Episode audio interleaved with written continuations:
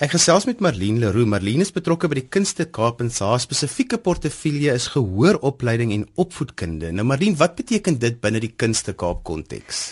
Dit is vreeslik belangrik ons kyk na jong gehore en dis hoekom ons noem ontwikkeling. Want elke jong gehoor moet ons nie net aanvaar dat hulle teater toe gaan kom nie, want ons is nou ons het Twitter, ons het Facebook, ons het al die media, ons kan oral gaan vir ontspanning. So as ons kyk na teater nou, is is jy in mededinging met soveel ander ontspanningsplekke of waar jy kan regtig waar net klik en dan kan jy kyk waar kan jy regtig waar 'n rolprent kyk of uitgaan of kyk op YouTube alles dit. So vir ons is dit baie belangrik om te kyk hoe gaan ons die teater vorentoe vir die toekoms regtig waar behoue bly en ook die relevantie behoue te bly en ons moet begin met ons jong mense. En daarom begin ons ook om te kyk en is nou al vir jare nee ons weet dit werk. Ons kyk dan ook na die voorgeskrewe werke van graad 12s en graad 11s. En sodoende omdat die onderwysers baie passievol is oor die taal maar ook omdat leerders verskillend leer.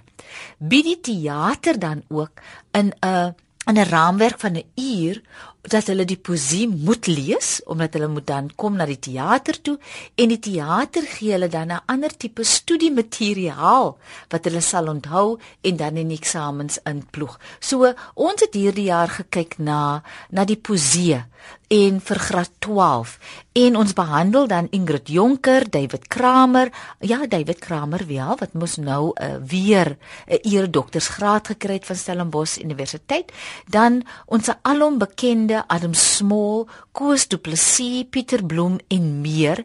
En Ons was vreeslik bevoorreg om vir Emil Mini te kry. En dit is 70 minute op die verhoog in die vorm van sang, dans, mimiek, maskers, heeltemal teater, né?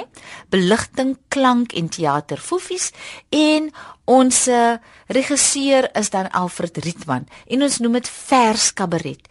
En dis 70 minute wat jy totaal gaan geniet. Jy gaan die teater geniet, maar jy gaan ook besef wie se poesie word regtig waar opgevoer. Want ek het in die verlede al die program gesien wat vir my so lekker is is dat mense baie keer nie eens agterkom is poesie waarna jy op hierdie stadium kyk nie, want jy beleef eintlik 'n stukkie dit voel soos 'n toneelstuk. Dit is 'n toneelstuk, die atmosfeer is sprankelend en wat ons wel vra vir die vir die graad 12 onderwysers is dat hulle werklik waar voor hulle kom om vers kabaret te kom kyk dat hulle wel die poesie behandel want dan ons het nog gesien die, die leerders wat wel dit al behandel het hulle geniet hierdie produksie baie want hulle onmiddellik besef o dit is binnelanders o dit is dit en o dit is 'n Adam Small gedig en dan kan hulle agterna het ons ook wel 'n vrae en antwoord sessie en dit word regtig waar so die poesie raak lewendig vir die kleintjies. Nou wat ek gesien het en eh, self beleef het is dat baie keer kies die regisseur en die akteurs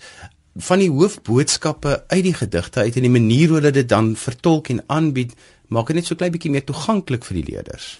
Dit is so en soos ons nou praat van die gunstelike werke wat werklik waar daarin is, is so lank skipskop en vroeg herfs nuus uit die binneland spoor op die maan koteljons met die roerende last grave at dimbasa.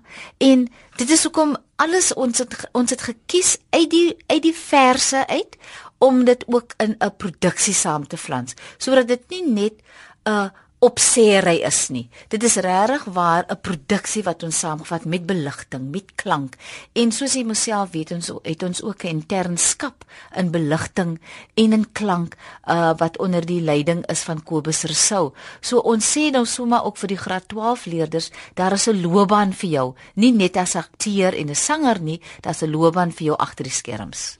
Nou sien net van die hoeveelste die hoeveelste want die details kan die mense op Artscape se webtuiste gaan kry, maar sê vir ons net die die datums wat binne dit gaan plaasvind. Die datums en tye is van 8 Mei 10:30 tot 17 Mei 3:00 die middag. So ons het ook aandvertonings. Die ja, die die aandvertonings is ook die 14de Mei en die 15de Mei, maar dis meens meesal 10:30. Dit is regtig 'n ontspannend. Dit is gaan nie net oor die graad 12 leerders nie. Dit is eintlik 'n baie goeie gehalte produksie in Afrikaans. So as jy wil goeie Afrikaans werke wil kom kyk, dis 'n goeie Afrikaanse werk.